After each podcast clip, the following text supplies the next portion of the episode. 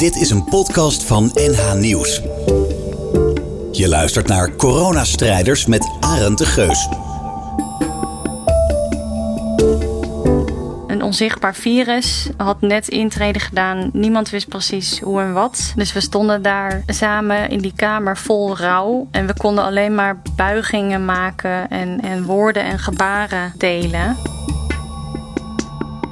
De vader die ging hard achteruit en die ging s'avonds sterven. Maar die dochter die was zelf te ziek om naar de vader te gaan in de kamer daarnaast. Dat trok ze niet.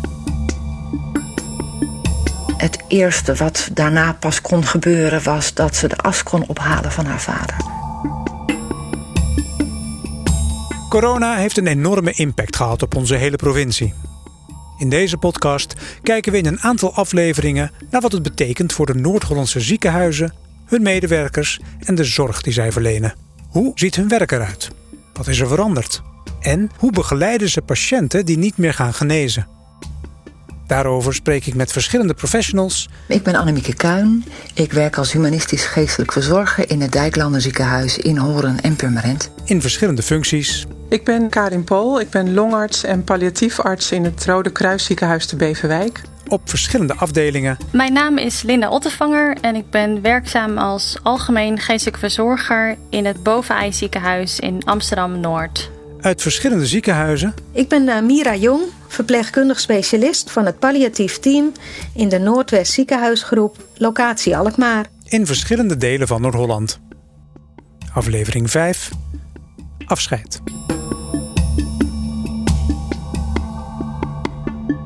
Hoe heb jij in normale tijden binnen je werk te maken met afscheid nemen? Afscheid nemen is natuurlijk een heel belangrijk thema in het ziekenhuis. Afscheid moeten nemen van je gezondheid, van je zelfstandigheid, uh, soms van het leven uh, of van een dierbare. Dus afscheid is een gespreksonderwerp wat bijna in elk gesprek wel terugkomt. Patiënten komen dan uh, bij mij of ik kom bij die patiënten die een beperkte levensverwachting hebben. En dat kan zijn dat ze nog een levensverwachting hebben van enkele uren tot enkele weken, maanden en soms zelfs jaren. Maar het staat wel in een teken van afscheid nemen van het leven, van de naaste. Als mensen opgenomen liggen uh, met een ernstige longaandoening, bijvoorbeeld longkanker in het eindstadium of COPD in het eindstadium, dan, uh, dan kan het zo zijn dat ze opgenomen zijn en dat ze in het ziekenhuis overlijden. En dan proberen we dat natuurlijk als longarts zo goed mogelijk te begeleiden. Ook op de polykliniek moet ik regelmatig afscheid nemen van mensen als ze toch uh, ja, achteruit gaan en bijvoorbeeld niet meer in staat zijn om te komen. Dan uh, wordt zeg maar de spin in het web wordt, wordt de huisarts, maar dan blijf ik wel contact houden. Soms willen ze wat zaken regelen, vastleggen, hebben ze vragen. Wat staat me te wachten? Waar kan ik last van krijgen? En wat is daar dan aan te doen? En dan kom ik langs en dan ga ik kijken wat ik kan doen om de kwaliteit van leven te verbeteren.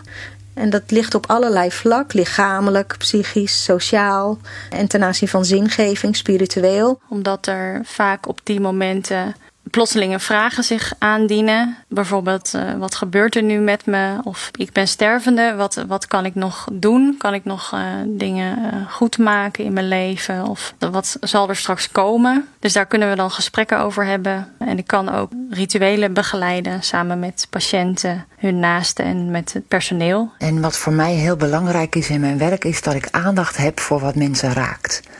En uh, dat wat mensen raakt kan gaan over de moeilijke en de pijnlijke dingen in het leven, zoals afscheid moeten nemen. Uh, maar gaat ook over dat wat je raakt en waar mensen steun aan ontlenen of blij van worden of kracht aan ontlenen. De kwaliteit van leven, daar gaat het om. Ook al is dat nog maar kort, we kunnen altijd kijken of we de kwaliteit van leven nog kunnen verbeteren.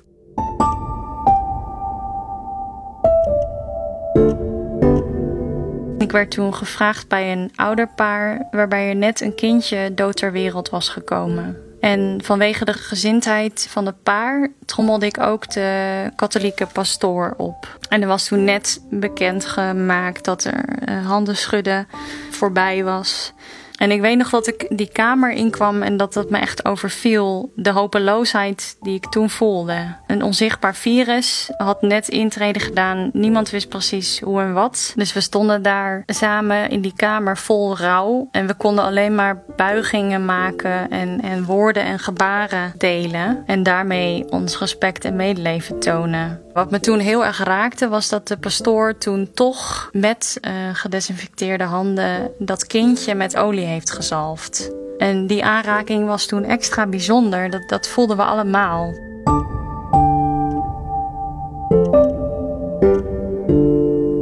En hoe is dat facet van afscheid nemen in jouw werk veranderd toen corona in het ziekenhuis kwam? Dat afscheid nemen in de eerste periode was echt dramatisch. Wij konden er niet bij, maar veel belangrijker, de naasten konden ook niet zomaar naar hun dierbaren toe. We wisten helemaal nog niet wat voor patiënten er zouden komen. Je had wel iets op tv gezien en wel iets gehoord van wat er gebeurde in het ziekenhuis. Ik kende nog helemaal geen mensen met corona. Ik kende het ziektebeeld niet. Ik was op dat moment vooral presentaties aan het geven over mijn vakgebied. En over in welke situaties een geestelijke zorger kan worden ingeschakeld. Toen nog niet wetende dat dat al heel snel heel goed van pas zou komen. En toen werd ik al snel vanaf begin maart meerdere keren per week opgeroepen. Wat ik echt nooit zal vergeten is dat we vanuit het palliatief team, waar ik ook eh, in zit, juist hierover na moesten denken van jeetje, en straks gaan mensen sterven uh, zonder dat hun naaste erbij kan zijn. En, of maar heel weinig eh, mensen ernaast kunnen zijn. En hoe moeten we dat nou goed voor ze organiseren? Wat natuurlijk een groot verschil is nu in, in coronatijd, is dat er uh, minder mensen het ziekenhuis in mogen. minder mensen mogen bij de patiënt. Dat betekende dat mensen soms hun dierbaren brachten bij de spoedeisende hulp. Daar afscheid moesten nemen. Um, wel telefonisch contact hadden, maar dan een telefoontje kregen van nou, uw dierbare ligt op sterven. U mag nog even een half uurtje afscheid komen nemen. En de mensen die erbij mogen, die, eh, die moeten in volledige ja, bescherming eh, de kamer op. Met helemaal uh, met, met, een, met een schort aan en een masker voor en een bril op. En je was totaal niet meer herkenbaar. Maar wanneer je in, helemaal in pak staat, kan je die patiënt wel weer aanraken. Want juist met afscheid nemen wil je ja, nabij zijn en elkaar aan, aanraken, elkaar goed zien, elkaar goed kunnen horen. Um, en juist die nabijheid, uh, die is nu ontzettend moeilijk. Juist het samen even oplopen met iemand. Dus het eindje mee oplopen op iemands levenspad. Dat daar bijna geen ruimte meer voor was. Vooral ook omdat ik weinig meer bij de patiënten kon uitvragen in gesprekken, bijvoorbeeld over de manier waarop ze in het leven staan of wat ze belangrijk vinden. Soms dan zei de verpleegkundige ook heel expliciet tegen mij: de patiënt is zeer vermoeid, benauwd en mag niet veel praten. En dan was het dus wel gissen voor mij als geestelijk verzorger. Probeer je veel meer op gevoel iets te zeggen of te doen waarvan je hoopt dat het bij die persoon past. Ook de verpleegkundigen en de artsen waren erg geraakt. Uh, het was voor hen een stressvolle periode. Maar wat hen emotioneel raakte was zien dat dat afscheid nemen niet op de normale manier kon plaatsvinden. En heel veel verpleegkundigen zeiden dat zie ik als het zwaarste nu in mijn werk.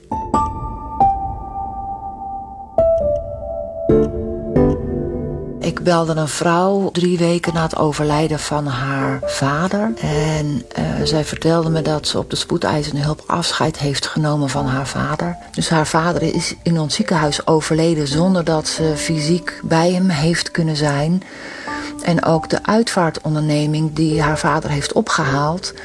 was zo gespannen en onzeker over wat dat virus teweeg zou brengen... dat ook zij zeiden, je mag geen afscheid komen nemen... maar hebben haar vader uh, op verzoek gecremeerd. En het eerste wat daarna pas kon gebeuren... was dat ze de as kon ophalen van haar vader. Nu is het werken onder corona-omstandigheden de standaard. Hoe ziet jouw werk er nu dan uit? Het klopt dat het inderdaad bijna een soort van gewoon is, of een soort van routine is geworden, die corona, helaas. Dus wat dat betreft zijn alle dingen die we in de eerste golf gemaakt hebben, de hele logistiek en alle inhoudelijke protocollen, dat staat natuurlijk en dat werken we steeds bij. Maar ik kan niet goed wennen aan het feit dat je die afstand nog steeds zo hebt. Dat vind ik echt wel heel lastig en ik hoop ook dat dat weer zal verdwijnen. En dat je wel weer meer nabij eh, kunt zijn en mensen weer beter kunt ontmoeten en kunt, uh, kunt zien. Nu ga je of naar een gewone afdeling toe of naar de poli toe, waar je al anders werkt doordat we anderhalve meter afstand moeten houden. En daarnaast heb je je consulten op de corona-afdeling. En dan ga je weer helemaal in pak. Uh, we hebben nu niet meer een aparte palliatieve corona-afdeling. Dat is anders nu. Ik mag in principe um, alles doen wat ik hiervoor ook deed. Alleen als ik bij coronapatiënten ben, dan is dat helemaal beschermd tegenwoordig. Dan ben ik volledig in pak. En um, het is jammer dat het nu zo is dat er uh, minder mensen aan het bed mogen zijn. Maar uh, we proberen dat soms op te vangen door bijvoorbeeld samen de namen te noemen van de mensen die we missen, die er niet bij kunnen zijn. En dat we daar toch op een hele sumiere manier wat aandacht aan besteden. Er is van alles mogelijk en nu is dat soms iets meer op afstand. We hebben wel nog extra aandacht voor de medewerkers die in deze periode uh, toch aardig op een tandvlees lopen en het soms best heel zwaar hebben. En wat het nog anders maakt is dat je ook bij de gewone patiënten je mondmasker op hebt. Waardoor je toch anders praat. Je mimiek minder goed zichtbaar is. Uh, mensen je minder goed kunnen verstaan. Zeker mensen die slechthorend zijn. Die daar echt moeite mee hebben. Dus het contact is wel wat anders geworden. Maar we gaan gelukkig weer iets meer richting het normale gesprek. Een echtpaar dat met z'n tweeën op de afdeling lag in een kamer. Bij de corona. De ene ging wat beter dan de ander. En de man zou overlijden binnen, binnen korte tijd. We hebben gelukkig in het ziekenhuis dan bedden die tegen elkaar aan kunnen. We hebben de kamer geprobeerd om daar toch wat meer sfeer in aan te brengen. En zo probeer je dan toch nog de beste zorg te geven aan mensen met een hele korte levensverwachting in coronatijd. Die andere manier van werken, wat betekent dat voor jou persoonlijk? Ik vond het heel naar dat ik de eerste periode uh, vooral telefonisch mensen moest begeleiden. Ik was heel blij dat ik op een gegeven moment ook de afdeling op mocht. En je ziet ook dat je dan veel meer voor iemand kan betekenen. Aan de ene kant klopt het met waarom ik dit vak wil doen. Ik wil graag iets kunnen bijdragen aan mensen in het leed en de ellende die ze meemaken in het ziekenhuis. En dat kan nog steeds. Uh, maar ik voel me wel beperkt in mijn praten met mensen met een mondmasker op. Ik vind die anderhalve meter afstand houden in de palliatieve zorg vind ik wel heel erg moeilijk. Als iemand verdrietig is, dan wil je hem gewoon even kunnen troosten. En dat op afstand iemand troosten, dat vind ik wel heel lastig. Ik ben ook altijd best wel van even iemand vastpakken. En dat, dat kan nu allemaal niet meer. En dat vind ik echt wel wennen. Mensen zijn ook heel bang dat je ze ziek maakt. Omdat ik met veel mensen in, in aanraking kom. Dus je wil ook graag die afstand bewaren, maar je wilt ook dichtbij zijn. En dat vind ik het allermoeilijkste. Ik merk dat ik meer gebaren ga maken. Dat je niet meer zomaar even iemands hand kan vasthouden. Terwijl het soms zo schrijnend is dat je mensen toch even zou willen aanraken. Je probeert heel veel met je ogen te doen, want dat is het enige wat mensen nog zien. Ik vraag altijd bij ieder consult van vindt u het goed dat we ons mondmasker afdoen, want we kunnen anderhalve meter afstand bewaren. Ik zie het gewoon als een gegeven dat, we, dat dit nu de manier van werken is. Ik zie in die zin niet zozeer een beperking in wat ik voor mensen kan betekenen. Het is alleen zo dat ik soms, als, als je zo'n extra beschermende mondkap op hebt, dat je dan heel snel benauwd wordt. Dus ik heb een keer bij iemand uh, rituelen aan het bed uitgevoerd en merkte op een gegeven moment dat ik zelf bijna geen adem meer had. Dus ja, soms merk je dat je iets moet beperken in de tijd die je bij iemand kan zijn. En dat vind ik wel een gemis in mijn vak. Een familiedrama blijft me ook altijd nog bij dat we ja, een dochter hadden op één kamer en de vader op een andere kamer. De broer van die dochter die lag in een ander ziekenhuis op de intensive care. Nou, de vader die ging hard achteruit en die ging nou s'avonds sterven. Maar die dochter die was zelf te ziek om naar de vader te gaan in de kamer daarnaast. Dat trok ze niet. Dus de moeder kwam wel en nog een ander familielid om afscheid te nemen van die vader. Maar die dochter lag dus in de kamer daarnaast uh, zelf ontzettend ziek te wezen dat komt natuurlijk ook nooit meer goed. Er is gewoon een, in één periode zo'n hele familie verscheurd.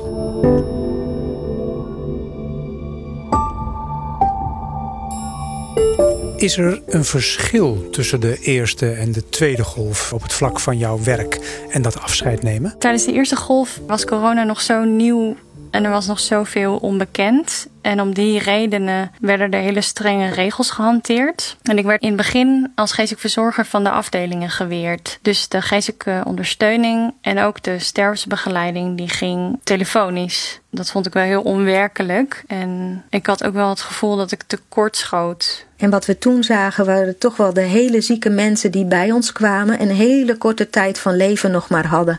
Dus dan ging het vaak om een paar uur en dan wilde je toch nog zorgen dat er op een goede manier afscheid afscheid genomen kon worden. Het grootste verschil is denk ik dat het nu gewoon bekender is. We weten waar we mee te maken hebben en we weten hoe we het moeten organiseren. Dus de onbekendheid is er af, maar het is wel fysiek en psychisch zwaarder vanwege uitputting en wanneer is het einde in zicht? Hoe lang zal het nog duren? Het grote verschil is nu dat de naasten gewoon kunnen komen.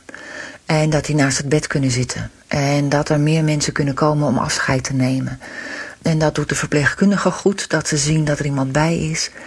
En dat doet mij goed om te zien dat mensen in ieder geval wat contact hebben met hun dierbaren. En dat ik daar weer aanvullend ondersteunend bij ben en niet een soort van plaatsvervangend. Want je kan de dierbare van iemand niet vervangen. Heel in het begin, dan zeiden ze soms als er bijvoorbeeld een dominee op de afdeling wilde komen, dan zeiden de verpleegkundigen nee, er mag geen bezoek komen. Maar daarna werden we dus veel meer gezien als professionals die vanuit hun expertise iemand nabij kunnen zijn in ziekte en naderend einde. En als mensen gaan sterven, dan mogen ze ook meer bezoek ontvangen. En dat hebben we ook uit de eerste golf geleerd. Dat het toch wel heel belangrijk is om dan maatwerk te leveren. Dat wel de belangrijkste mensen voor die patiënt afscheid kunnen nemen. Wat ik al lastig vind deze tweede golf, dat er mensen zijn die het ontkennen om daarmee om te gaan. Ja, mensen die meer boos zijn of die toch niet snappen dat je niet met, met z'n tienen tegelijk het ziekenhuis in mag komen. En het is ook wel begrijpelijk, hè? als je naast in het ziekenhuis ligt, dan, dan wil je daar natuurlijk zijn. Maar de omstandigheden laten dat gewoon echt niet toe. Wat schrijnend blijft is dat het doodgaan aan corona een akelige manier is van overlijden. Wat we zo goed mogelijk proberen te verzachten uiteraard. Maar het kan soms zo snel ineens anders gaan dat je van hoop naar weer kunnen herstellen naar het verdriet om het, het aanstaande verlies, dat dat in een paar uur kan omslaan en dat iemand in een paar uur tijd ineens kan zijn overleden. Dat is wel wat het nog steeds indringend maakt. Ik sprak een dochter vlak na het overlijden van haar vader en zij vertelde dat ze nog bezig was met het regelen van de uitvaart toen haar moeder werd opgenomen in het ziekenhuis. En die zou in eerste instantie de uitvaart digitaal bijwonen. Maar het ging vervolgens zo slecht dat haar moeder een paar dagen later ook kwam te overlijden. En ze zo bezig waren met vader en moeder dat ze uiteindelijk de uitvaart van vader hebben uitgesteld om daar een uitvaart voor vader en moeder tegelijk van te maken.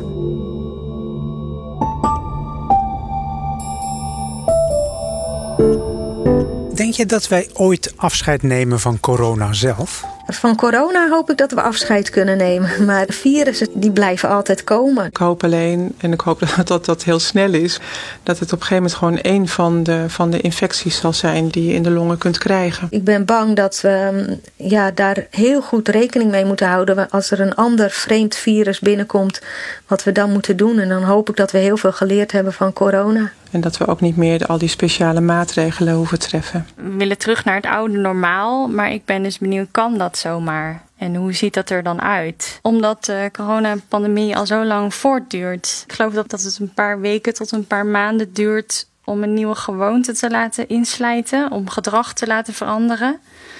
En die periode zijn we met elkaar al lang voorbij. Dus we raken daaraan gewend om op afstand te staan. Ik zie erg uit naar het vaccinatieprogramma. Ik hoop toch dat we in een, eh, een x aantal maanden het lukt om eh, de meest kwetsbare mensen in Nederland in ieder geval te vaccineren. En dat daarmee er meer ruimte komt om weer fysieke contact te hebben met elkaar en dichter bij elkaar te kunnen zijn. Ik moet ook meteen denken aan die demonstratiegroep tijdens die toespraak van Rutte in het torentje. Die uh, scandeerde: Wij zijn Nederland. Maar wat voor Nederland zijn wij dan straks als die vaccinaties echt goed op gang komen? Blijven er niet als het ware restsporen achter in het DNA van onze samenleving? En tegelijkertijd vrezen we natuurlijk allemaal als het coronavirus het land uit is dat er ongetwijfeld weer een keer een virus gaat komen. En we kunnen alleen maar hopen dat het nog heel lang duurt voordat dat gebeurt.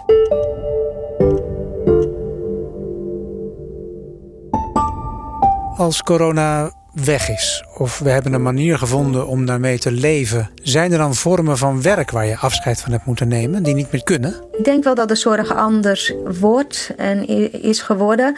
De manier van werken en het, het veilig werken, zodat je niet eh, mensen kan besmetten en zelf niet besmet raakt. We moeten wel heel goed opletten. En ook vooral leren van wat we nu hebben meegemaakt. Mijn werkveld is zo gericht op met elkaar samen kunnen zijn. Ik heb het juist als een heel groot gemis ervaren dat heel veel op afstand moest plaatsvinden. Ik zou in dat opzicht willen zeggen dat ik blij ben als dat weer bij het oude zou kunnen zijn. Wat hopelijk een blijvend eh, besef is, is dat hygiëne een heel belangrijk iets is. Bijvoorbeeld dat je niet in je hand hoest en vervolgens iemand een hand geeft. Dat zag ik regelmatig gebeuren, maar dat zie je nu natuurlijk uh, niet meer. Dus dat is wel een positief iets, denk ik, wat we eraan overhouden. Een ander iets is dat we, mm, we hebben nu natuurlijk veel zorg op afstand gedaan met beeldbellen uh, of gewoon bellen. En ik denk dat dat wel een belangrijke verandering is in de zorg die sowieso nodig was. De plek waar mensen komen te overlijden is een plek die de naaste altijd bij zal blijven. En we hadden herdenkingsbijeenkomsten en dat hebben we nu veranderd naar een coronaproof alternatief, onze gedenktuin. En we nodigen de nabestaanden uit om daar een bol te komen planten en straks in het voorjaar zaad te komen zaaien. Zodat er een plek is waar mensen uh, nog stil kunnen staan bij het leed wat geleden is in ons ziekenhuis. En ik hoop dat dat wel een blijvend alternatief is wat gebruikt kan worden door uh, naasten van mensen die in ons ziekenhuis komen te overlijden. Of dat nu een overlijden is door corona of door een andere ziekte, dat maakt niet uit. Maar de basis van verplegen blijft hetzelfde. Hè? Aandacht voor mensen kan je altijd hebben. Uh, of je afstand moet houden of niet. Empathisch vermogen blijft hetzelfde. Alle dingen die we gedaan hebben zijn echt gezamenlijke uh, activiteiten geweest.